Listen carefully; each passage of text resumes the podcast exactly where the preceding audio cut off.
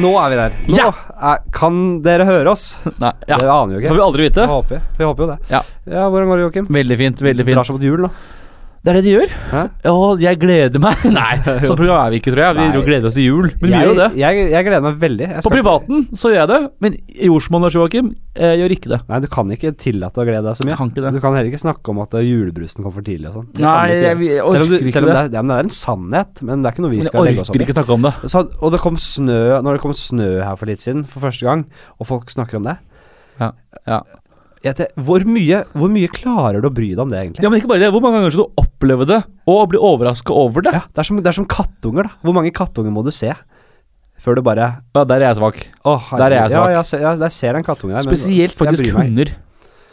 Ja, jeg, jeg, jeg klarer jeg klarer å synes de er søte, men bare, det er ikke, jeg får ikke den derre eh, dame, gammel dame Å, herregud, å, se Jeg legger meg ned på alle fire, jeg. Eller må på en måte leke med hunden. Ja, eller jeg får litt sånn Jeg syns de er litt kule, og jeg liker dem, men jeg, sånn, jeg, jeg blir ikke sånn derre overbegeistret. Hvis jeg leser om noen svarte hull og sånn i universet, da blir jeg, får jeg den wow-opplevelsen. Da legger du på alle Jeg klarer ikke å late som jeg er sånn superbegeistra for verken kattunger eller snø. Mm. Hunder derimot, jeg liker hunder, faktisk. Ja, det er jo jeg også veldig og veldig. Jeg skal ha med rottweiler. jeg. Det er første avdeling skal ha Ja, rottweiler. det en Og jeg gleder meg veldig til det. Men jo, jeg, jeg ble jo vekket, eller jeg dusja, hadde litt dårlig tid, uh, og, og så bare banker det på badedøra.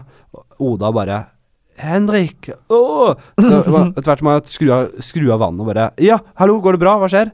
Det snør! Det snør! Det snør! Det snør ute! Ja, men Og det, var sånn Ja, flott. Nei, jeg, Nei, jeg, jeg, jeg, jeg- skjønner jo- Da sa jeg bare Å ja, det er bra.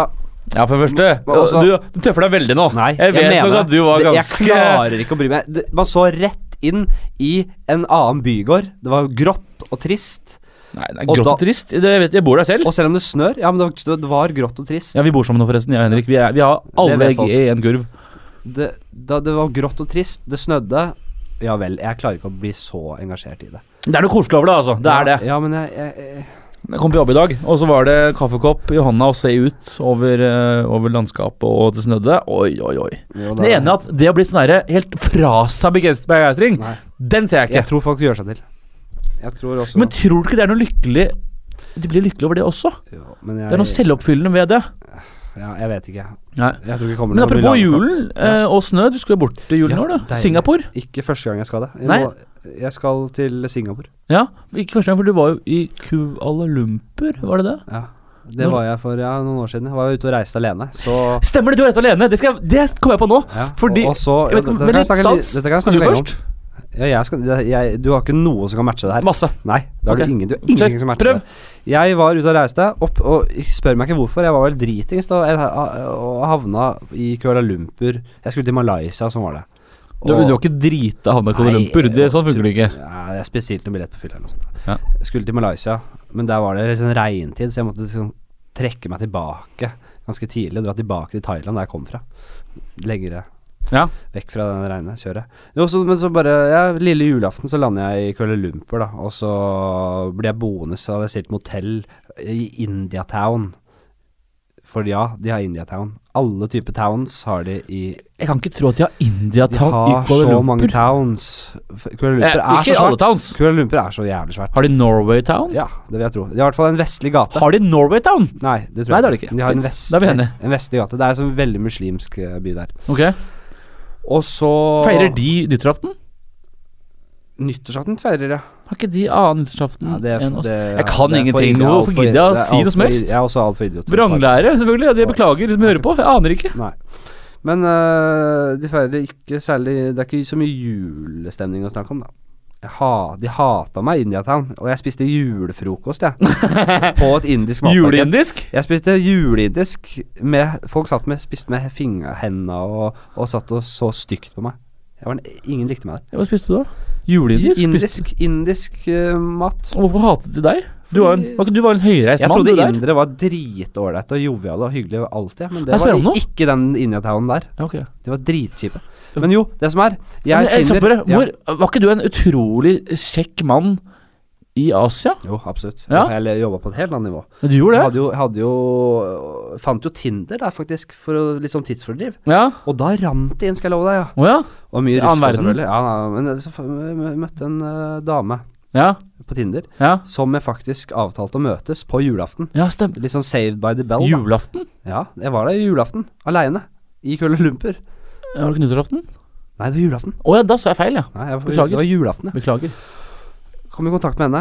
Uh, avtaler å møte henne i denne vestlige gaten, Ja. som jeg heldigvis finner. Så da Men hun har jo blitt oppholdt av noe, måtte på noe sykehus og noe greier. Så For det var en venn som var sjuk. Ja, ja, ja, Jeg ja. tenkte nå driver hun bare og kødder med meg, eller? Dette er det eneste jeg har. Det er julaften. Det er det eneste jeg har nå, faktisk. Så jeg tar og spiser på en sånn tysk eh, restaurant som jeg finner i den uh, gaten der. Jeg får meg sånn sveinehakse og litt sånn tilnærmet julemåltid. Okay. Uh, det, første, det første som skjer når jeg kommer og setter meg aleine på den tyske restauranten Hun servitøren bare 'Nå driver vi og slutter en sånn konkurranse, så bare skriv navnet ditt og legg den i den bollen her.' Så trekker vi en vinner. Så jeg skriver navnet mitt, legger den i bollen. Hun går rett fram og annonserer vinneren, og det er Henrik Fladseth. Hæ? Så jeg vinner en Hva sånn vant du? ja, vinner, ja. Og folk, hele restauranten klapper. Og servitører og gjester klapper. Og jeg må opp og bukke og takk skal dere ha. Og de kommer med sånn svært tappetårn med øl som de setter på bordet mitt. Det var så hyggelig, Og jeg drikker og er full og koser meg og skåler og snakker litt med de rundt meg, og det er egentlig ganske greit. Ja, selvfølgelig. Det var jo sikkert eh, ganske kjærkomment for deg, det. Og så har jeg liksom kontakt med hun dama på Tinder og avtaler å møte henne sånn ganske seint, nærmere tolv har klokka blitt, altså. På julaften. Nei, på nytt på julaften, ja. Ja, julaften, ja. Ja, men det er sånn nyttårsaften, julaften-stemning. Okay. Det er ikke sånn julaften da alle er hjemme og pakker opp gaver. Nei, du sitter jo og drikker festa så som øl, du. det var Så når klokka var tolv, så følte de at det var mer julaften, på en måte. Ok, ja, riktig, ja. Ja. Men, ja, det Så er så jeg sitter da- Henrik, jeg Henrik, sitter- vent litt. ja. Dette kan jeg faktisk litt om. Ikke mye, men litt. Og det er jo at nyttårsaften Nei, men unnskyld, julaften er Vi har en holdning til det i Norge enn f.eks. i USA.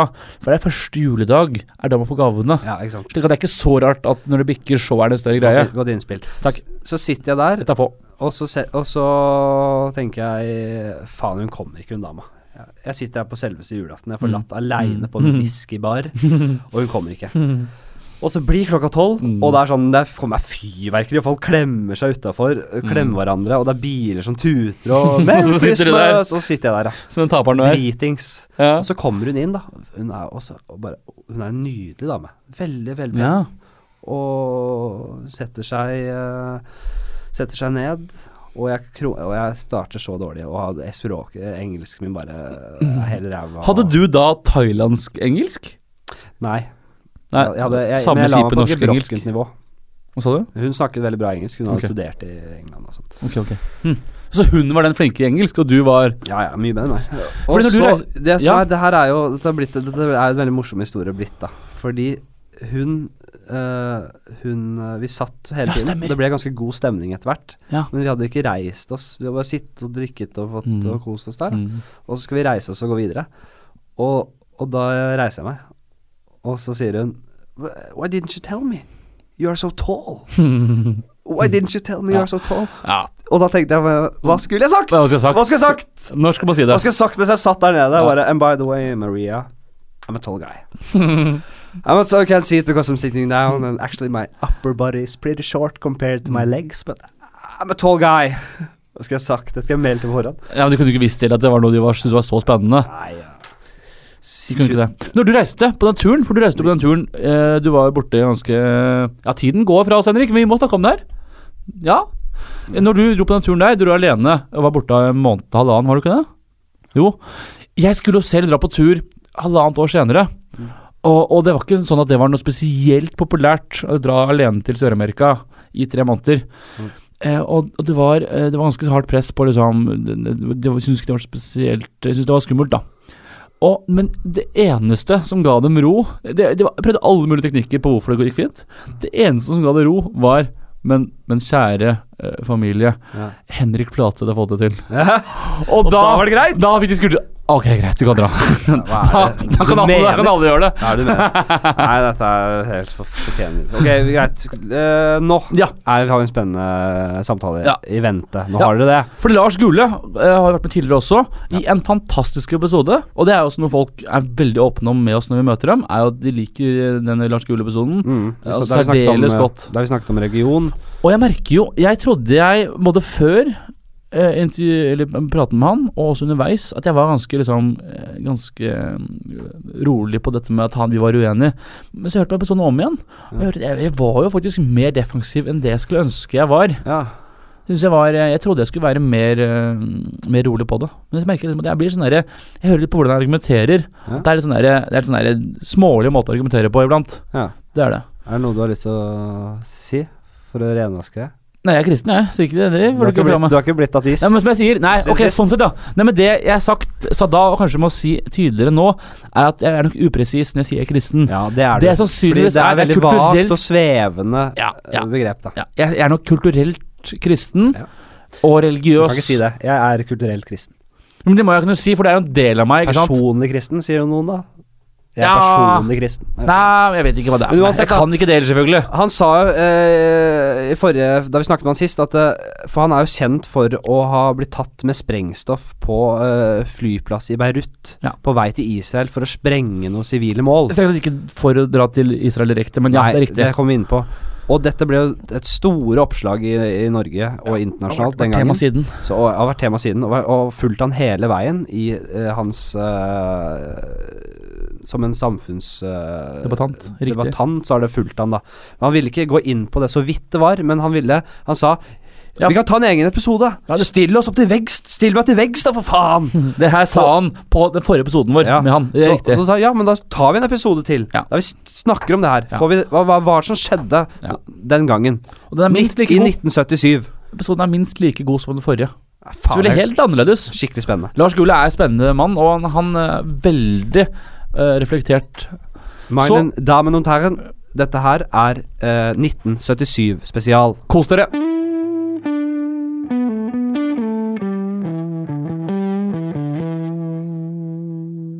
Lars Gule, velkommen tilbake, får jeg si. Velkommen. takk. Ja, vi, du har vært uh, hos oss før. Uh, da, kom, da var vi ikke inne på et uh, tema som eh, kanskje på mange måter definerer, eller som dominerer litt mediebildet av deg. Eh, jeg snakker om eh, 1977. Du ble tatt med sprengstoff og fengheter, så disse som du detonerer bombe med, på en flyplass i Beirut. Eh, det, vi, vi, rett og slett fordi vi Både du og deg og meg og Joakim ville ta og vie en episode til å snakke om denne hendelsen.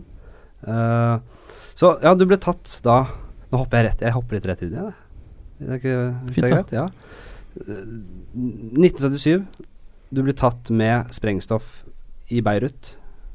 Uh, og det ble masse medieoppslag i Norge etter hvert. Eh, hva, hva var opptakene til dette her? Hvem var du på den tiden? Hva, hva, hva var det som skjedde her? Ja, eh, opptakten er eh, kanskje like viktig for å forstå det hele som eh, det som skjedde i, eh, i Beirut. Vi snakker om 1977. Mm. Vi snakker om et eh, veldig radikalt eh, tiår. Vi snakker om en periode, ikke bare i norsk, men europeisk samfunnsutvikling som var preget av radikalisme, ungdomsopprør, Paris 1968. Det var et sterkt oppsving i politisk aktivisme, av, og ikke minst av venstreorientert eh, aktivisme. Det så vi i Norge med nei til EU den gangen, EEC, i eh, folkeavstemning i 1972. Noe som engasjerte meg. Mm. Slik at jeg hadde utviklet en eh, ganske eh, radikal politisk posisjon. Eh, frihetlig sosialistisk, inspirert av eh, marxisme og delvis også av anarkisme.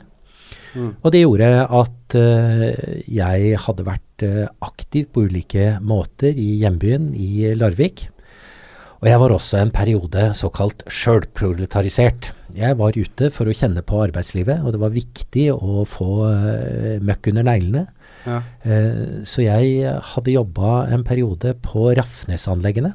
Det Store norske oljeanlegget som var under oppbygging fordi vi hadde oppdaga olje i Norge, eh, i Nordsjøen, og skulle foredle den i Norge. Det var også en interessant periode. Men Det ville du ikke?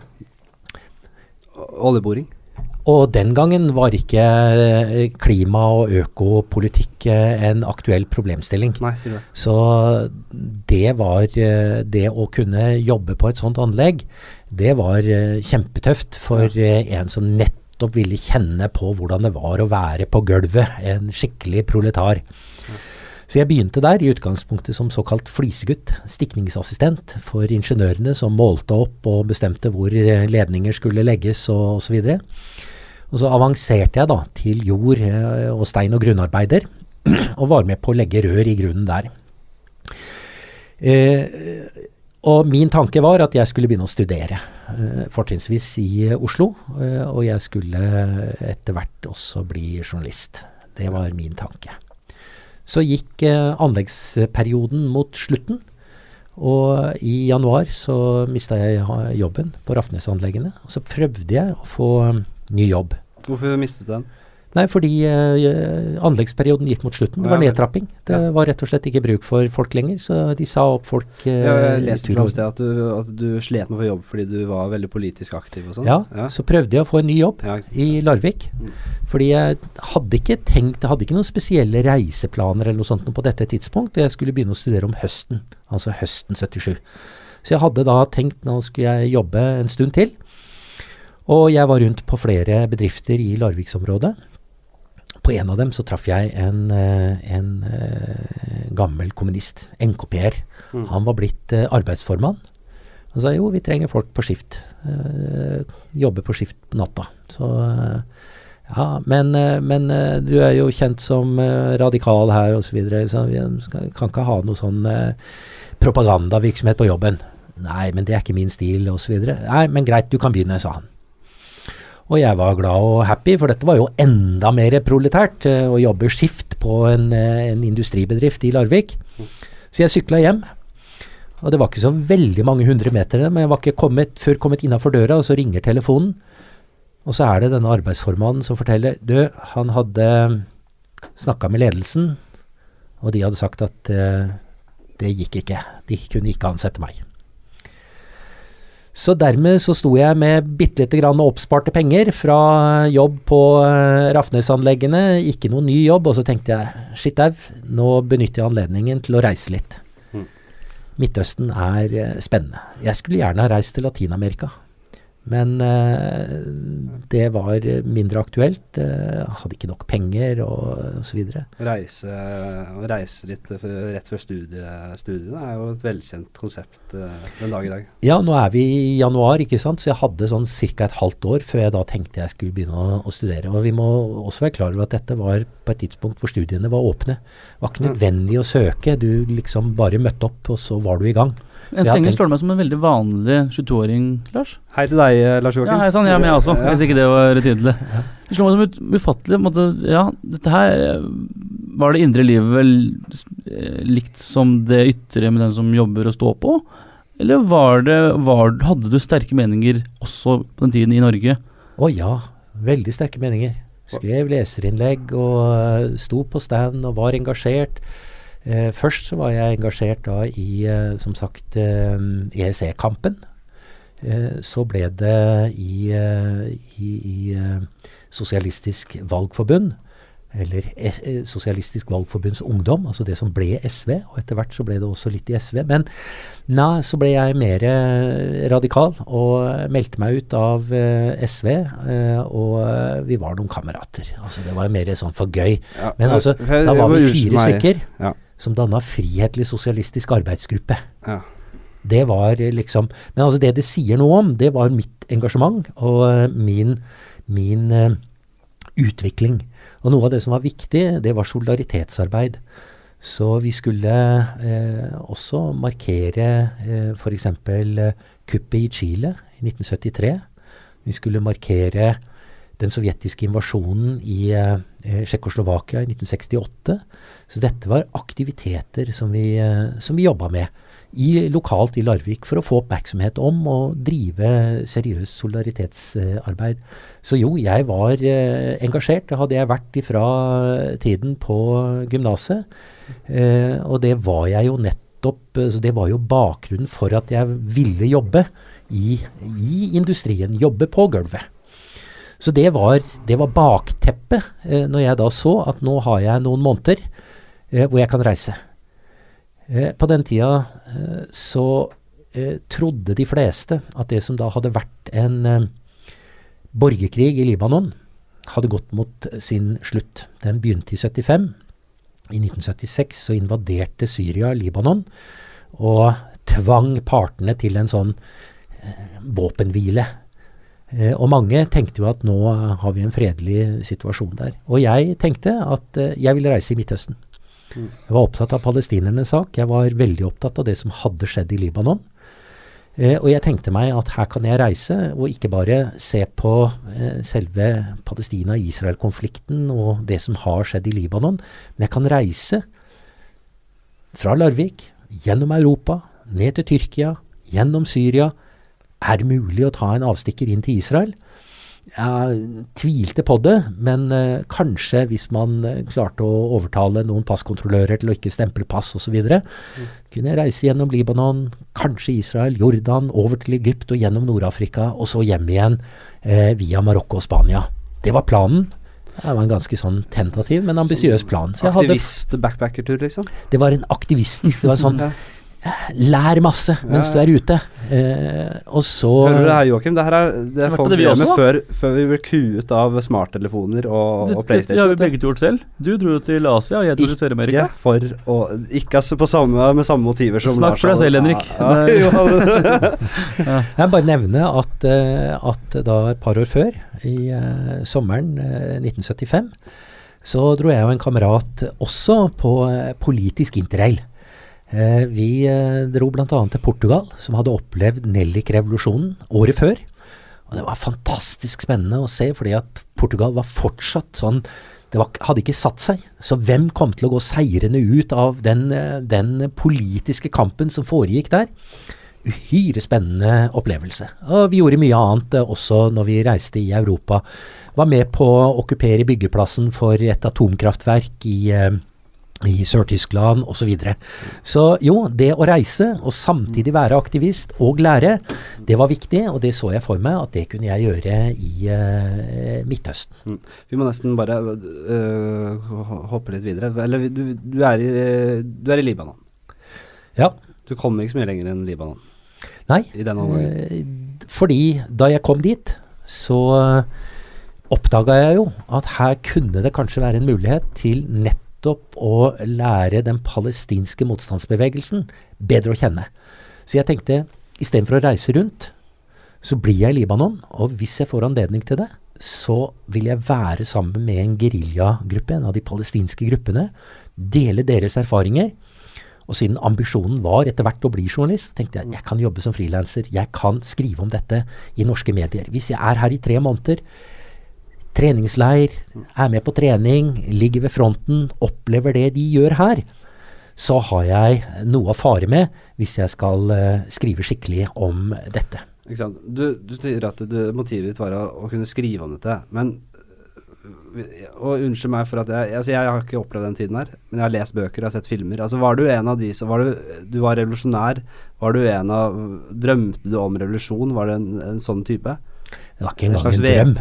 ja, Det var en sikkerhet. Væpna revolusjon. Kamerater, stå på, liksom. Jeg begynte Altså Her var det også slik, og ulike deler av venstresida hadde ulike oppfatninger av dette med væpna revolusjon. Eh, jeg begynte som ikke-voldelig revolusjonær, og mente at eh, den beste måten å gjennomføre en revolusjon på, en radikal politisk omveltning på, det var gjennom ikke-voldelige midler. Og så var det da uh, ulike oppfatninger om dette var mulig i hvilke deler av verden. Uh, og inntrykkene fra Vietnamkrigen, som viste et lite folk i uh, kamp for sin frigjøring mot en supermakt, eh, og hvor denne supermakten var villig til å bruke ekstrem vold, massebombing, forgifting av landskapet osv. Og så hadde vi kuppet i Chile. For meg tok det altså noen år å bevege meg fra en ikke-voldelig, radikal, revolusjonær posisjon til at jeg mente at det å bruke våpenmakt var nødvendig i en del sammenhenger.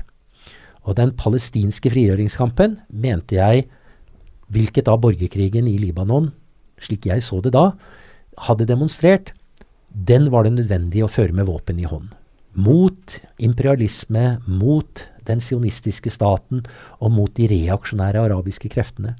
Så på dette tidspunktet, når jeg sa meg villig til å dele erfaringene, så mente jeg alle erfaringene. Jeg var villig til å få militær trening, bli utstyrt med våpen og ligge ved fronten i Sør-Libanon for å møte den israelske fienden og de reaksjonære arabiske styrkene. Den gangen så var dette en fraksjon av eh, falangistpartiet som kontrollerte Sør-Libanon i allianse med Israel. Du, du ville kjempe mot uh, imperialistene, Ja. rett og slett. Og særlig dette antiimperialistiske perspektivet, det var viktig for meg. Ja. Og det gjorde også at kampen var global. Det var ikke slik at ja, dette er palestinernes kamp, så den har ikke jeg noe med. Imperialismen er et internasjonalt fenomen, var og er fortsatt det, og derfor så var dette også en internasjonal kamp. Og slik sett så var det ingen forskjell, slik jeg så det, på mitt engasjement og de som sluttet seg til eh, de frivillige på republikkens side i Spania på 1930-tallet. Ja. Men du møter DFLP, Ja. som eh, der, der starter jo Der starter det. Ja, jeg var faktisk eh, ganske lenge i eh, Libanon og reiste omkring. Jeg snakket med palestinske eh, grupper. PLOs informasjonskontor var veldig hjelpsomme, veldig interessert i å gi informasjon, nettopp fordi jeg sa at jeg var interessert i å lære og å skrive om dette. Og så møtte jeg også andre grupper, noen libanesiske grupper. Og det var litt tilfeldig at jeg møtte eh, DFLP, Den demokratiske fronten for frigjøring av Palestina. Og fordi jeg møtte dem, og de faktisk eh, viste meg fronten i sør, eh, og tok seg av meg, eh, nettopp som hva skal vi si, student, en som var interessert i å lære og skrive om det, i noen dager så slo det meg. Dem kan jeg be om å eh, få bli eh, en del av for en periode. Og de gutta ved fronten i sør, f.eks. Jeg møtte der en oberst. Så han hadde oberst-rang i DFLP. Og han eh, hadde fått militær trening, eh, og, eh, men han var da den som lagde mat til gutta. Ikke sant? Altså dette, var, dette var marxistisk likhetstenkning. Ja. Her var det ikke forskjell på offiserer og menige. Når det var hans tur til å lage maten, så var det han som måtte lage maten og ta oppvasken osv. Var det din rolle der da, Lars? Nei, da var jeg eh, rett og slett gjest, og de tok seg veldig godt av meg. Og jeg fikk se fronten helt i sør, nede ved en, en, en liten by som heter Bintersbel, hvor jeg kunne stå og se inn i Israel. Og se det, jeg hadde nær sagt, lovede landet for palestinerne som de slåss for. Eh, og vi eh, var en, en dag, noen timer, i en skyttergrav, og det ble skutt etter oss fra eh, falangistisk eh, side. Og så til slutt så sier jeg jeg vil gjerne være her en stund og dele erfaringer med dere. Ja, velkommen skal du være. Men det er ikke vi som avgjør. Det må de bestemme på hovedkontoret i Beirut. Hva var motivasjonen for det valget? Nettopp å dele erfaringer, ta det på en Altså dele erfaringer på den måten at jeg kunne lære og samtidig skrive om det, og være en solidaritetsaktivist. Ikke sant? Altså dette var, slik jeg så det, en mulighet til å være aktivist samtidig som jeg kunne formidle erfaringene, palestinernes erfaring, til et bredere publikum i uh, Norge når jeg kom hjem etter eh, tre måneder. Du er åpenbart en spenningssøkende type. Du er det. Du likte action, og er det. Du er det når er- du er eh, eh, 22 år. Da er du udødelig. Mm. Og det, og eh, det er også viktig, og det er selvfølgelig da noe jeg har tenkt på i ettertid. Nå er det 40 år siden i år, eh, så jeg har blitt litt eldre. Eh, både fysisk og mentalt. Eh, det gjør noe med refleksjonen over dette. Og for å gjøre en digresjon, eller et hopp helt fram til våre dager Hvis vi ser på andre som gjør ytterliggående valg, ekstreme valg, så ser vi veldig ofte at det dreier seg om ungdom. Ja. Uh, og det henger nettopp sammen med at ungdom er ikke fullt modne, utviklet verken fysiologisk eller mentalt. Og veldig mange ungdommer har Altså jo da, jeg har tenkt på liv og død, og selvfølgelig skal vi alle dø en dag, men like fullt så er du udødelig. Døden er ikke nærværende. Eh, og det er veldig mye som da er eh, spennende, og det er viktig å oppleve eh, spenningen. Så selvfølgelig. Men det var ikke en så Jeg vil ikke gjøre dette til noen banal sånn det kunne ha vært hva som helst. Nei, jeg valgte dette. Jeg valgte ikke fjellklatring, jeg valgte ikke paragliding eller fallskjermhopping. Jeg valgte dette fordi at dette var riktig. Dette var politisk viktig og riktig. Så her er det, og det er det vi må være klar over, at det er mange faktorer som virker inn på de beslutningene vi tar. Eh, noen er rasjonelle, veloverveide. Andre er faktorer som bestemmes av hormoner og kjærlighetssorg og ja, hva det kan være. ikke sant? Altså Det er veldig mange faktorer som påvirker oss. Eh, og jeg vil ikke benekte at slike irrasjonelle eller emosjonelle faktorer var med på å farge min beslutning. Men jeg løper ikke fra ansvaret ved å si at nei, jeg, var, jeg skjønte ikke hva jeg gjorde, jeg var umoden. Det er ett lite element i dette, men for meg var det viktige det jeg bevisst tenkte over. Jeg vil vise solidaritet, jeg vil delta i en viktig internasjonal kamp. Ja. For du får da til slutt uh, en oppgave en, uh, skal jeg, riktig å si oppgave? Fra, Ja. Det, Det- altså- jeg tror hovedkontoret som du snakker om. da. Ja, de, uh, jeg, jeg var da eh, noen dager eh, sammen med de gutta som jeg hadde møtt først, og som liksom tok seg av meg. Så jeg lå i en bitte liten forlengning og, og, og, og var der og venta på et svar fra Beirut. For nå er jeg, befinner jeg meg helt sør i Libanon. Så går det da eh, noen dager, jeg tror det var en liten uke, og så fikk jeg beskjed om at jeg måtte dra inn til Beirut. Og så kom jeg dit. Og så sier de ja, velkommen skal du være, og øh, det er greit. Og mm, det jeg ikke skjønte da, det var at de allerede, ganske opplagt, hadde tenkt på en oppgave for meg. Fordi det jeg fikk eh, og måtte gjøre, det var for det første å vente og vente og vente. Så jeg lå og leste eh, bl.a. kriminallitteratur. Jeg leste Fredrik Forsyths 'Sjakalen', av alle ting.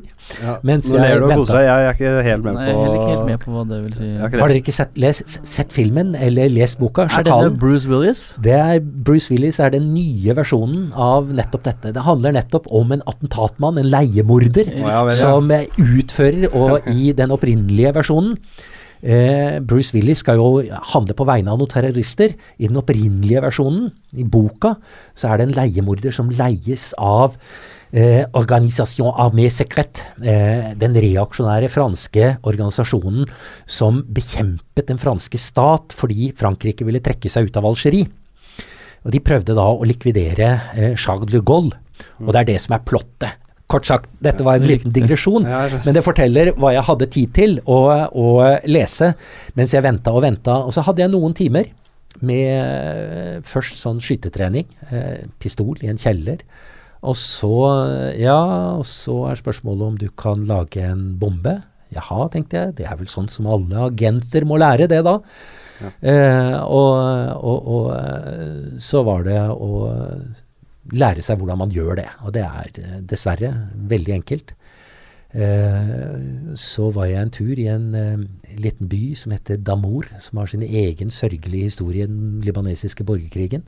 Der var jeg en dag og omsatte da den teoretiske kunnskapen om hvordan man lager en tidsinnstilt bombe i praksis. Og sprengte et par bomber. Jeg avfyrte også 30 skudd med en kalasjnikov. Kort sagt, den såkalte terroropplæringen som jeg fikk, den er forsvinnende liten, og er ikke i nærheten av den militære trening en norsk rekrutt har. Eh, Jeg vet at du lærte, eller du så omfanget av hva en øh, Hvor mange øh, gram dynamitt var det? Det, det var det. ikke dynamitt. Nei, eh, det var jeg har ikke peiling på det Jeg. Jeg, jeg, jeg har ikke fått den opplæringa du har, vet du, Lars. Nei, Hva, men du, eh, omfanget av det du skulle hadde med deg av sprengstoff, da. Kan jeg spørre om hvor, hvor mye smalt det når du testet? Det jeg testa, det var en annen type sprengstoff. Oh, ja. Det var en blokk med det som ligner på C4, altså militært fast sprengstoff, eh, kobla til eller plassert under en eh, propangassbeholder eh, og rigga med en tidsinnstilt bombe. Plassert inn i et eh, murskur. Uh, og det smalt høyt, uh, og jeg kunne se hvordan det var sotete rundt på veggen. Og hadde det vært folk inni det murskuret hvor dette ble testa, så hadde det ikke gått bra med dem. Men jeg så også at eh, tross alt så var det eh, begrenset effekt av dette. Eh, så ble jeg da til slutt spurt om jeg ville gjennomføre en aksjon i Israel. Og det overrasket meg. Fordi Og dette, her på dette punktet, så var jeg naiv i betydningen jeg hadde ikke nok kunnskap om situasjonen. For når jeg hadde blitt spurt om jeg kunne reise til Israel, så tenkte jeg at ja, det kan jo jeg som nordmann med norsk pass, hvis jeg kommer uten arabiske stempler i passet. Det kan vi ordne. Så kan jeg reise rundt omkring i Israel, og da kan jo jeg observere, og jeg kan gi tilbakemelding til palestinerne om f.eks. militære mål. Tenkte jeg. Men så ble jeg da spurt eh, kan du gjennomføre en aksjon for oss. Jaha, hva slags aksjon? Jo, vi eh, ønsker å markere tiårsdagen for eh, seksdagerskrigen, altså eh, i 1967. Og at palestinerne ennå ikke har fått en stat, og du kan plassere sprengstofflager Kommer deg til Israel, du lager en bombe, og du plasserer den der eller der eller der. Mm. Og da ble det foreslått tre ulike mål. Og det er klart at som en nordmann, selv om jeg da hadde vært i et borgerkrigsherja land, og jeg hadde opplevd å bli skutt etter, jeg hadde sett og hørt sammenstøt inne i Beirut mens jeg var i Beirut, skyting, eh, sammenstøt mellom syriske styrker og palestinske grupper osv. Det var praktisk talt ikke en person som gikk uten våpen. Så var det likevel overraskende og problematisk for meg å liksom si ja. Eh, Men på den annen side så hadde jeg jo sagt ja til å dele, de, dele deres erfaringer og delta i kampen. Jeg tenkte meg at da kan jeg gjøre en innsats i Libanon mot israelske styrker og mot de reaksjonære arabiske kreftene. Men jeg så jo også at det var opplagt at fordi jeg med norsk pass kunne reise til Israel, så var det, var jo, det var ganske logisk, når jeg tenkte meg om, at det kunne de gjøre. Men målene, de var et problem. Eh, fordi det første målet, det var en fotgjengerundergang i Tel Aviv. Og det er helt klart at uansett om ladningen er stor eller liten, i et tett, lukket område, så vil det kunne gjøre stor skade. Det å plassere en tidsinnstilt ladning i en søppelkasse i en fotgjengerundergang, hvor den splinter, kunne føre til uhyggelig store, skremmende skader. Mm. Så jeg sa at uh, nei, det tror jeg ikke. Ok, men uh, vi, det, i Israel så er det slik at mange steder så står gassbeholderne, for det bruker man jo gass til oppvarming og til uh, matlaging. ikke sant? Så, og gassbeholderne står da gjerne utenfor husene. ikke sant? Fornuftig sikkerhetsforanstaltning. Og utafor Jerusalem så er det et sånt borgerlig område. Og der er det lett å plassere en sprengladning i forbindelse med, med, med disse gasstankene. Jo, men hvem som helst kunne jo bli skada. Ja, men borgerlig område, det er klassefienden. Det var ikke helt mitt perspektiv. Men, men tenkte du ikke Stusset du ikke over at dine venner ikke brydde seg om sivile liv, da? Jo. Var, var, ikke det bekymringsverdig? Jo, det var det det var. Ja. Ikke bare at du ikke ville gjøre det, men at de du var alliert med, ikke brydde seg så mye? Ja, og det er, det er tilsynelatende vanskelig å forstå. Og, og, og, og, liksom, det var derfor her var det noe som, som ikke klang riktig. Fordi min forestilling eh, den var at eh, den palestinske kampen den foregikk på en militært rettmessig måte. Og Det var derfor jeg tenkte også at det å være en sånn hemmelig agent som spionerer og finner mål osv., så, videre, så kommer da en geriljagruppe og sniker seg over grensa fra Syria eller fra Libanon eller fra Jordan, kanskje om natta, og så angriper de dette målet. ikke sant? Og så trekker de seg tilbake hvis ikke de har tap osv. Det var mange slike rapporter om at det foregikk. Eh, og på slutten av 60-tallet så gjennomførte palestinerne en lang rekke slike aksjoner. Men så begynte vi å høre om At det ble, gikk av bomber her og der. Og igjen så kunne man tenke seg at ja, men her har noen geriljasoldater sneket seg over grensa og plassert den. Ja, men det er jo mot sivile mål. Ja, men det har sikkert ikke vært meningen. Og, og dette, er, na, det er, dette er propaganda fra israelsk hold osv. Ja, ja, ja. Så, sånn at eh, mine motforestillinger de måtte komme ut ifra den helt konkrete oppgaven jeg fikk. Og det tredje målet, det var da noe som kunne ligne på et militært mål. For det var et hotell hvor eh, kameratene i DFLP sa det blir brukt av den militære etterretningen til møter. Ja vel, ok, hvis det er militære der, eh, når jeg tar inn der og eventuelt passerer en ladning, så vil jo det være et legitimt militært mål. Så det å ta menneskeliv var greit for deg, så lenge de ikke var sivile? Jeg skal ikke si at det var greit, men jeg mener, har du vært i en krigssituasjon og noen skyter etter deg, og du vet om hvordan tapene har vært, så er det klart at krig er krig. Altså, det ligger i sakens natur at uh, det handler om eventuelt skånsomt, eventuelt med få tap, men det handler om at du nedkjemper en fiende.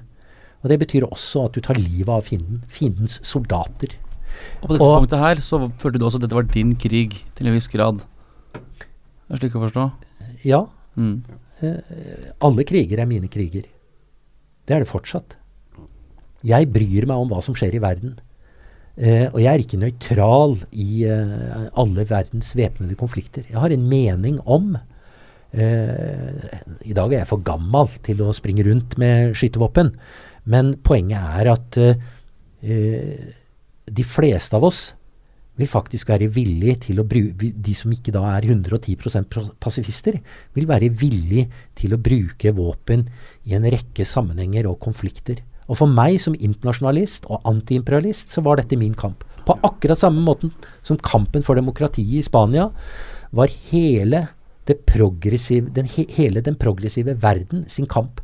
Norsk fagbevegelse, norske liberalere, de dro til Spania og sluttet seg til republikken for å bekjempe fascismen og nazismen.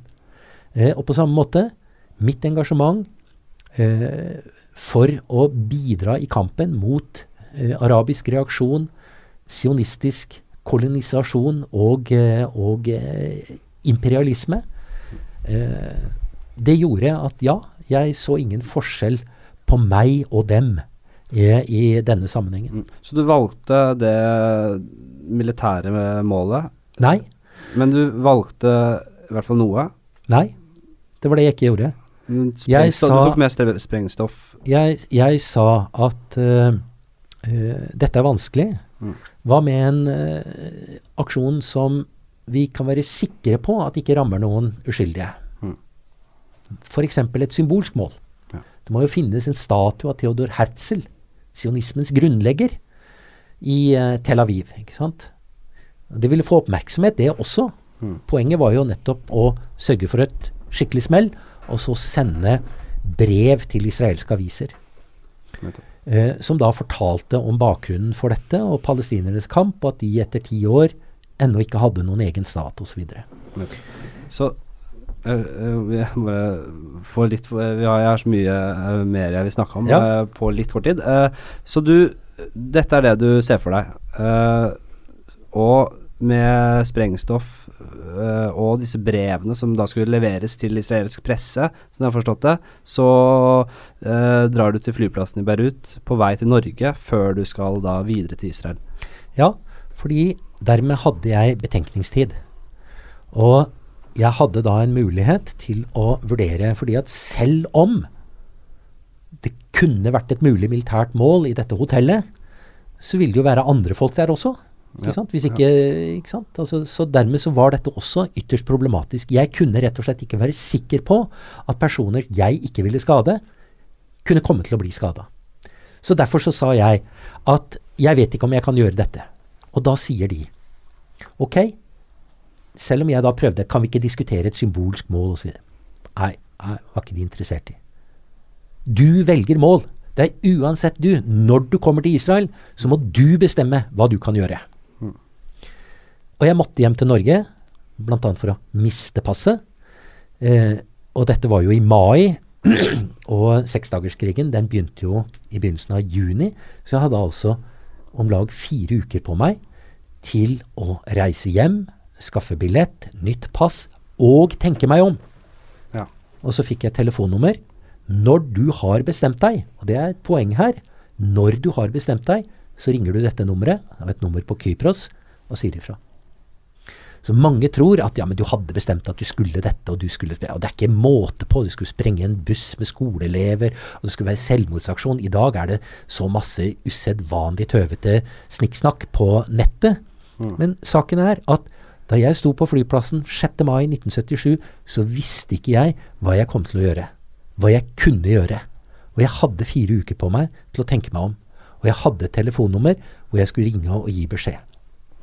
Og så ble jeg arrestert på flyplassen. Ja, du får uh Det var ikke like mye sikkerhet eh, det, var, det var ikke like mye sikkerhet på flyplasser den gangen. eh, men du ble allikevel hanket inn, da. Det var sånn tilfeldige kontroller, eller Nei, libanesiske myndigheter hadde åpenbart skjerpa kontrollen. Ja. De ville vise at Og, og dette var også eh, på en måte militært område. Som flyplass så var dette militært område. Og det var jo kontrollert av syriske styrker som var der. Men det var libanesiske tjenestemenn som da kontrollerte passasjerene før de sjekka inn. Og dette var til og med før innsjekking. Så jeg kom med ryggsekk og busserull og øh, sto der, og så lurte jeg på hvor skranken var, hvor jeg skulle sjekke inn, og så kommer det en fyr bort til meg, og så hadde jeg en sånn interrail-pose under, under busserullen, ikke sant. Og spør jeg hva har du der? Og jeg tok den fram, og det var billett, og det var pass osv. Ok, still deg opp der. Noen har sagt at jeg ble angitt, de visste om det på forhånd. Men da hadde han jo ikke sagt at Da hadde han sagt 'kom her' med en gang. Men at dette var en sånn helt tilfeldig i den forstand at sikkerheten var skjerpa. Man ville kontrollere alle som reiste ut. Det var ikke pga. frykt for flykapringer, men mye annet. Mm. Våpensmugling, annen smugling. Og som utlending, blond, blåøyd, med ryggsekk. Libaneserne hadde lang erfaring med europeisk ungdom som kom for å skaffe seg stoff. Ja, sier du det, ja? Ja, ja. Så eh, det var det første da, jeg, da det ble min tur, og jeg sto i en sånn lang kø. Og venta og venta og tenkte jo mitt, ikke sant. Hvordan skal dette gå? Her hadde du ikke gjort uh, researchen din, høres det ut som. Nei. Det var, nei, for det var mange som faktisk dro for å gjøre det samme som deg, og de hadde skjerpet sikkerheten. Jeg, ikke mange som dro for å gjøre det samme som meg, det vet jeg ikke. Nei, ikke. Men eh, for de andre som sto i den køen, det var libanesere. Mm. Eh, og mange av dem skulle tydeligvis emigrere, for jeg har aldri sett så store flyttelass sant, som de hadde på traller med kofferter og sekker og poser osv. Mm. Og jeg var den eneste europeiske ungdommen som jeg så, i hvert fall der og da. Mm. Og så sto jeg der bak i køen, da, og så kommer da denne eh, kontrollanten, og så spør han meg har du narkotika. Første han spør om. Nei, sier jeg. Og det hadde jeg jo ikke. Men jeg hadde da to store bøker. Når du sier stoff, så mener du faktisk Ja, stoff. narkotika, Ja, ikke sprengstoff. sprengstoff. Ja, ja. ja. Nei, nei, nei. nei. Eh, Ja, nei, for han spør har du noe narkotika. Har du Ja, hasjisj, heroin? Nei, nei, nei. Det, kan- jeg, jeg var jo omtrent avholds, ikke sant. Så eh, det, Men eh, dette var jo en dreven kar. Og sprengstoffet det var skjult i permene på to store bøker. Og det var jeg ikke helt bekvem med. En backpacker reiser ikke rundt med sånne svære, flotte bøker med fargebilder osv. Men det var for så vidt godt gjemt. Proff jobb å gjemme dette i permene. Men eh, ikke proff nok for kontrolløren, for han eh, ser disse på toppen av sekken, legger de der, så kikker han fort gjennom sekken. Og nå må jeg ha lov til å si at jeg var litt spent, Ja. fordi han tar opp disse bøkene, og så spør han en gang til, hva er dette her? Nei, det er bøker jeg har fått, ja, ikke sant. Så er han usikker, men så river han opp. Og han var sikker på at han skulle finne stoff, narkotika. Mm. Og så lærte jeg da eh, ordet for eh, sprengstoff av denne sjokkerte mannen som virkelig sperra opp øynene. Mufajarat, sprengstoff. Mm. Og så gikk jo da alarmen, og plutselig så var det var ikke han aleine der lenger. Nei. Da var det ganske mange flere sikkerhetsfolk der, og hvor er de andre? Er det flere her? Hvor er de? Og så videre. Og så, nei, jeg, jeg måtte jo spille uskyldig, og så bar det ned til ransaking og eh, de første sånne rudimentære avhør, og jeg lot som jeg ikke visste noen ting, og bøkene hadde jeg fått i gave, og jeg visste ikke hva de inneholdt, og Mm. Eh, etter ti, kort tid så ble jeg da overført til fengsel i eh, Beirut, hvor jeg var en periode. Og så eh, ble jeg overført til Deuxième Bureau, den libanesiske etterretningstjenesten, som ikke trodde på min historie. For i starten så var det ganske hva skal jeg si, vanlig avhør, var det ikke det? De stilte deg spørsmål, du, du svarte, og du var Hvordan foregikk de avhørene der? Hva var det du svarte når de stilte spørsmål? Var du var- åpen fra starten av? Ja, altså hele poenget var at jeg hadde fått en eh, sånn veldig tynn dekkhistorie hvis jeg Ja. skulle bli arrestert i Israel. Og du satt og løy det deg på det tidspunktet, med at det var gaver og Ja, Det ja. var det kjøpte du ikke i det hele tatt. Det var eh, Jo, det interessante er at eh, altså de, de syriske, den syriske offiseren som snakka engelsk, og som da gjorde det første avhøret på flyplassen, han var veldig sånn morsk og eh, ga Så du syrisk offiser? eh, Ja, ja. Det var syrerne som okkuperte Libanon og kontrollerte flyplassen på Ja, dette riktig, tidspunktet. ja. Så dette var en syri Syrerne samarbeida da med libanesiske myndigheter, først og fremst. De høyreorienterte eh, libanesiske styrkene og myndighetene. Eh, så jeg ble overført til libanesisk sivilt politi etter da at de hadde gått gjennom sekken min. De fant da ikke fenghetene eh, og brevene, for de var skjult i meisen på sekken. Ja. Så de fant, nå visste de sprengstoff, og så ble jeg sendt da til fengsel eh, i Beirut, et slags varetektsfengsel. Eh, og der var jeg en ukes tid, og det var stort sett bare venting. Eh, og, og, og eh, bare sånne helt kjappe snakkeavhør med lokale politifolk som ikke betydde noen ting. Så gikk det da som sagt en liten uke. eh, ja, så ble jeg overført til eh, kjelleren i Forsvarsdepartementet, som eh, oppe i fjellene utenfor Beirut, hvor syrisk Unnskyld, den libanesiske etterretningstjenesten holdt til. Og da Det var ikke en så grei opplevelse, har jeg skjønt? Nei, det var en uh, opplevelse hvor jeg satt og snakka med en avhørsleder i to dager. Uh, han hadde en veldig ung tolk, han kan ikke ha vært mer enn 18 år. Snakka rimelig godt engelsk. Avhørslederen snakka arabisk. Han drev med politisk foredrag og fortalte hvor forferdelige palestinerne var og hadde ødelagt landet deres osv. Og jeg holdt fast på min historie, at dette var gaver. De palestinske vennene som hadde gitt meg disse bøkene, og som het sånn og sånn, og jeg fant på noen navn, ikke sant. De hadde lovt at de skulle komme til Norge og besøke meg. Kort sagt, jeg prøvde å gi inntrykk av at jeg hadde vært eh, smugler mot min viten og vilje. Mm. På et tidspunkt, det var vel på søndagskveld, så forsvant forhørslederen ut, og den unge karen som da var tolk, han satt der.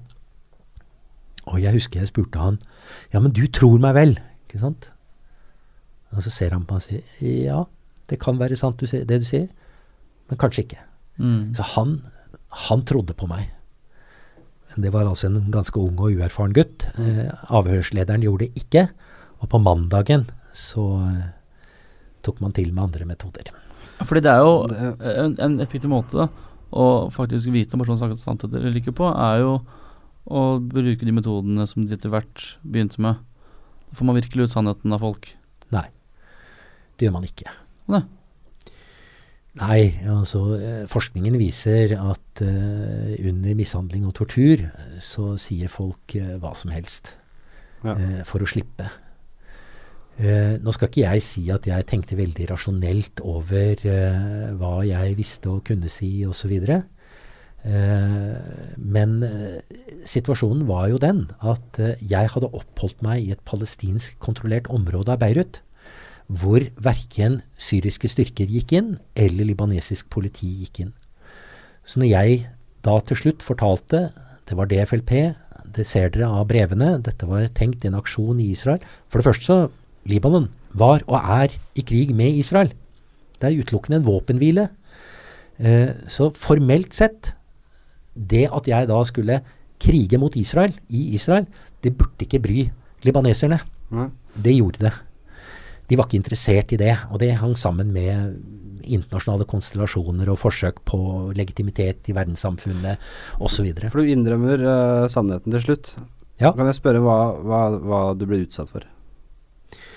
Jeg ble uh, Jeg ble utsatt for uh, først eh, slag eh, og spark av forhørslederen. Mm. Det var relativt eh, ubetydelig. Ikke, ikke behagelig å bli slått i magen. Mm. Men så kom det inn en um, kar. Svær fyr. Virkelig en kraftkar. Med to stoler og en stokk. Så fikk jeg bind for øynene. Og så fikk jeg håndjern rundt uh, håndjern på. Og så måtte jeg sette meg på gulvet eh, og tre håndjernene over knærne. Og da får du jo eh, et rom eh, mellom armene og knærne, og der tredde de inn en stokk. Og denne kraftkaren, han bare løfta den opp, og så la han den på disse to stolene. Og da hang jeg der, tatt av meg skoene, eh, og dermed så henger føttene slik at eh, de er eh, lett tilgjengelige. Så hadde denne kraftkaren Han hadde da en stokk som han trakterte fotsålene med. En gammel, velkjent og velprøvd torturmetode. Eh, har litt ulike navn. På spansk kalles det bastinado. I Libanon så kalles det papegøyepinnen, eller kyllingen, Mm. kalles det også. Hvordan, Eh, føles, hvordan, føles den, hvordan føles det?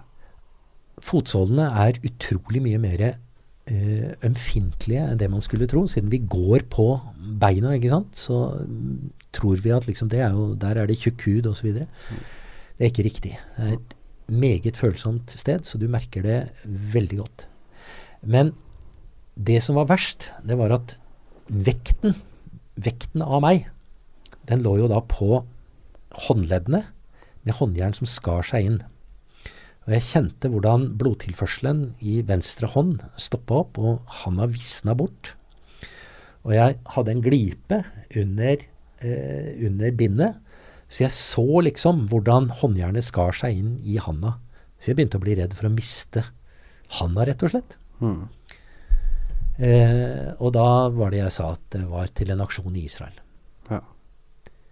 Eh, og det finner dere bekreftelse på i eh, brevene. Og da tenkte jeg også at eh, Altså For det første så hadde jeg lenge trodd at jeg ikke ville blitt utsatt for tortur. Med rødt pass, norsk pass, så eh, legger man ikke hånd på meg. Det var altså en feilvurdering. Mm.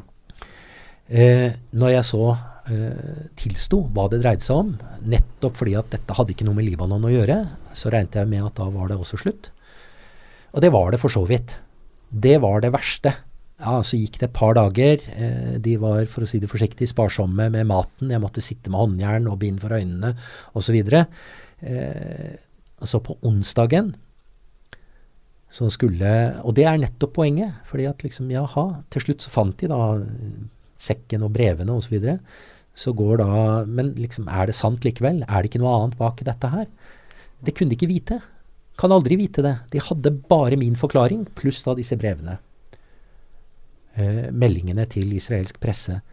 Så jeg ble tatt ned i fyrkjelleren. Mm.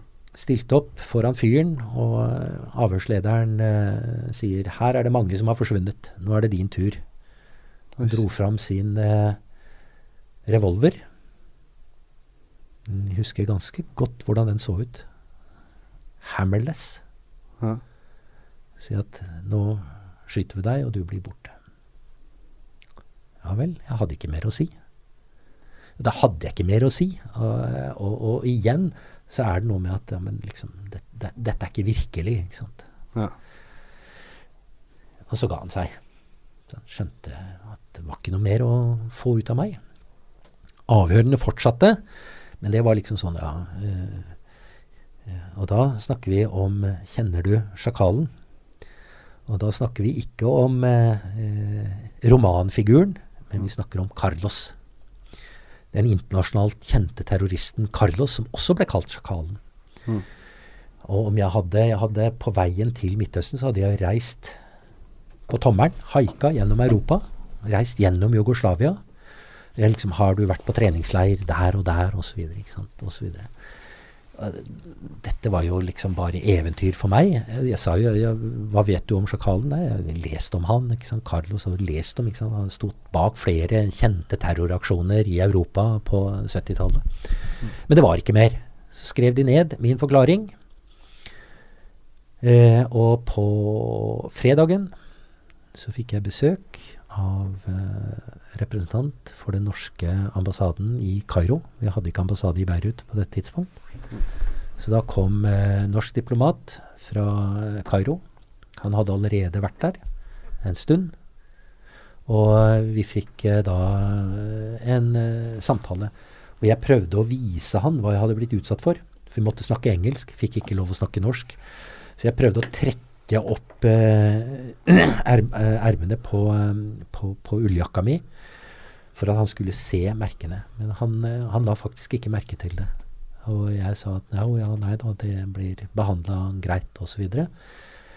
Eh, og da hadde jeg avgitt forklaring, og han sjekka at passet var et ekte norsk pass, og jeg var den jeg hadde sagt jeg var, osv. Og, så og så gikk det bare et par dager, så ble jeg ført tilbake til eh, fengselet. Og du, du satt eh, et halvt år eller noe sånt i fengsel Ja. i Libanon før du ble returnert til Norge. Ja. Hvordan ble du bare hoppe litt uh, fram i tid her. Hvordan ble du mottatt når du kom tilbake til Norge? Du hadde ikke sett for deg det, den stormen som kom da? Nei, det var veldig overraskende. Og det var jo fordi at i libanesisk sammenheng så var dette en fillesammenheng. Filleting. Ja. Ikke sant? Altså som jeg nevnte, rett etter en borgerkrig, fortsatt masse væpnede grupper, sammenstøt, eh, eksplosjoner omtrent daglig osv. Så, videre. så da min libanesiske advokat fortalte at ja, men det er norsk presse her, så kunne ikke han si Aftenposten. Så jeg var helt sikker på at han mente Østlandsposten, som var lokalavisa i Larvik. Jøss, tenkte jeg. Kommer de fra Larvik ned her for å skrive om denne fillesaken her? Og så demra det for meg. Det var Aftenposten, det var Dagbladet, det var VG, det var NTB. Og? Eh, og NRK. Jarl Munch het Midtøsten-korrespondenten fra eh, NRK den gangen. Eh, og så gikk det opp for meg. Kjære vene, i Norge er jo jeg plutselig blitt en internasjonal terrorist. Ja. Så det prega nyhetsbildet, hvilket jeg da oppdaga da jeg kom hjem, i hvilket omfang, for da hadde mine foreldre tatt vare på en del aviser. Sånn at jeg gikk jo gjennom dem og så hva slags uh, medieoppslag uh, det hadde vært. Jeg tenker litt på uh, For det at du ble tatt i Beirut med disse spreng, spreng, dette sprengstoffet eh, På mange måter så kunne denne historien endt veldig mye verre for din del. Det er selvfølgelig da gitt ikke sant, at du da i hele tatt eh, hadde landet i Oslo, og ikke eh, bestemt deg ennå. Eh, når du kunne da kan gått begge veier. Kunne da kommet til Norge og tenkt jeg skal ikke gjøre denne sprengningen i Israel. Men gitt da at du hadde gått for Vet du hva, jeg vil gjøre denne markeringen eh, rettet mot ikke-sivile mål, så Når du da skulle dratt til Israel, så fins det jo veldig mange andre scenarioer for hvor du kunne blitt tatt, hvor det kunne gått verre. Ja, det er kanskje nesten umulig å si hvilke valg du hadde tatt hvis du hadde kommet deg til Oslo. I dag, er det ikke det? Jo. Eller hva tenker du selv? Ja, altså jeg ville ikke løpe fra at uh, jeg hadde sagt A, og selv om jeg hadde betenkningstid, så hadde jeg tross alt da engasjert meg i palestinernes kamp. Og hvis jeg hadde ment at ja, jeg kan finne et uh, mål som er akseptabelt sett fra min vurdering, så eh, er det gode muligheter uh, for at jeg kunne ha sagt ja og prøvd å gjennomføre noe. Det jeg i ettertid har tenkt på, det er jo at ok, selv om jeg da hadde sagt jeg vil velge et symbolsk mål, en statue Ja, men en statue står i en park. Det går mennesker i en park. Ja. Lufter hunden, er triller med barnevogn. Kort sagt, jeg kunne ha kommet til å forårsake skade eller død på tilfeldige, uskyldige mennesker, til og med barn. Selv om jeg hadde prøvd å være veldig forsiktig. Og det er klart at det er noe jeg har tenkt på i ettertid. Og i den forstand så er jeg jo glad for at jeg ikke kom lenger, og ikke fikk ansvar for eh, noe som helst av den, av den typen. Men, og det er viktig Dette var situasjonen før arrestasjon og før tortur. Mm. Og nå er vi tilbake til spørsmålet ditt. Ja, men var det ikke overraskende at eh, disse folka i DFLP ikke tok hensyn? Vold avler vold. Vold avler vold. Mm. Min terskel Jeg hadde en høy terskel. Tro det eller ei, men jeg hadde faktisk en høy terskel.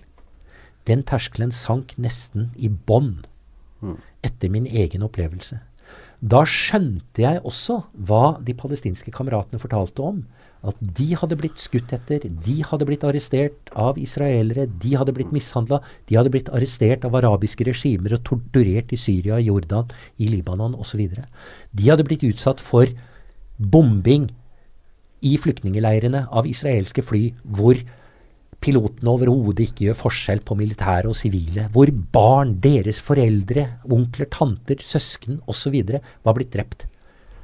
Etter sjøl å ha blitt utsatt for mishandling og tortur, så var min terskel senket ned i bånn. Mange har sagt du er en ekstremist, nå forsker du på ekstremisme, men du var egentlig en ekstremist. Nei, jeg var ikke det før at jeg kom ut. Da ble jeg en ekstremist, fordi da ville jeg vært villig til å sette menneskelige hensyn til side. Da tenkte jeg at hensikten helliger midlene. Det tenkte jeg ikke før jeg ble utsatt for arrestasjon og tortur. Men etterpå, i en periode på kanskje et halvt år, trekvart år, så hadde jeg ekstreme oppfatninger om at nesten hva som helst var tillatt fordi krigens gode mål gjorde midlene sekundære.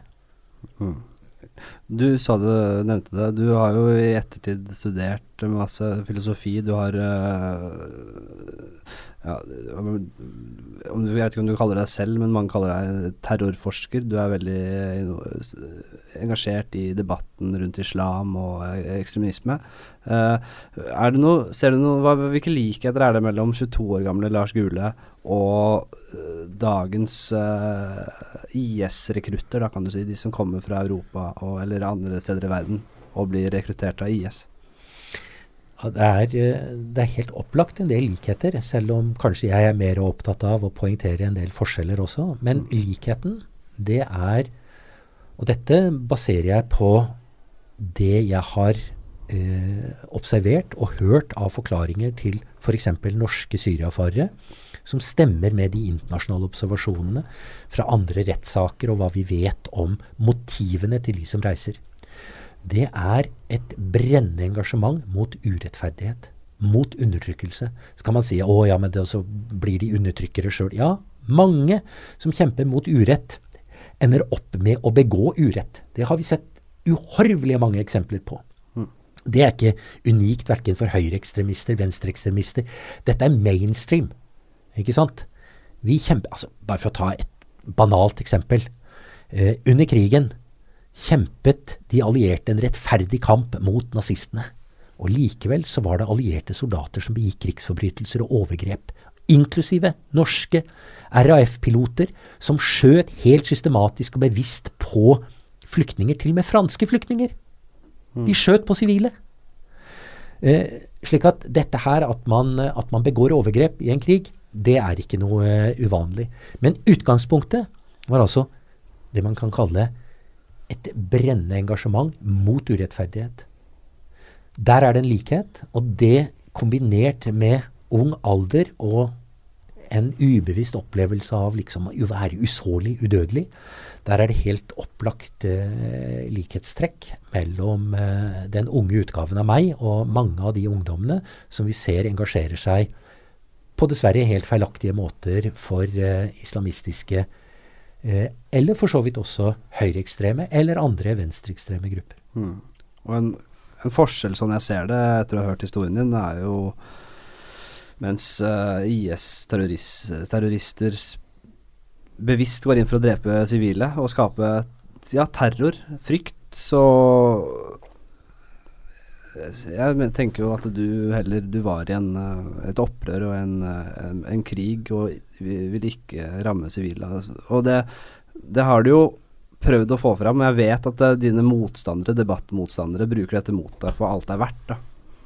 og kaller deg terrorist, uh, og jeg har lest en del uh, kommentarer, det um, jeg, Jeg setter pris på at du kom hit for å fortelle historien din, og håper det er mange som ikke mange unge som hører på, som ikke har visst om dette fra før av. Uh, har du noe Nei, jeg, Nei, det var veldig, veldig sagt. Ja, Skulle gjerne man- fortsatt litt, veldig, eh, veldig litt- lenge, men vi må nesten ja. begynne å runde her, skjønner du. Er det noe du vil si til slutt angående det her, Lars? Ja, Uh, fordi det er, det er en veldig forskjell på nettopp det du nå er inne på, å bruke terror som virkemiddel for å nå et eller annet urettmessig mål.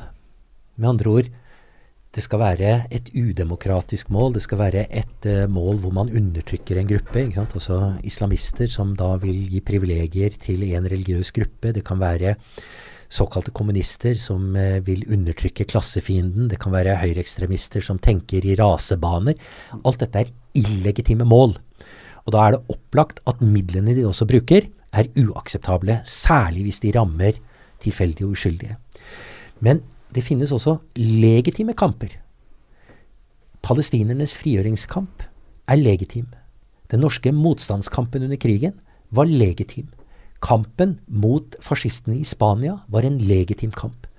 Men, og det er viktig, selv om man altså fører en legitim kamp, en rettferdig kamp mot undertrykkere og for demokrati, for menneskerettigheter, så kan du ikke bruke hvilke som helst midler. Og det er det som er den lærdommen jeg har utviklet uh, over tid. Det er at selv om du har en legitim sak, en rettferdig kamp, så er du også nødt til å bruke rettferdige midler.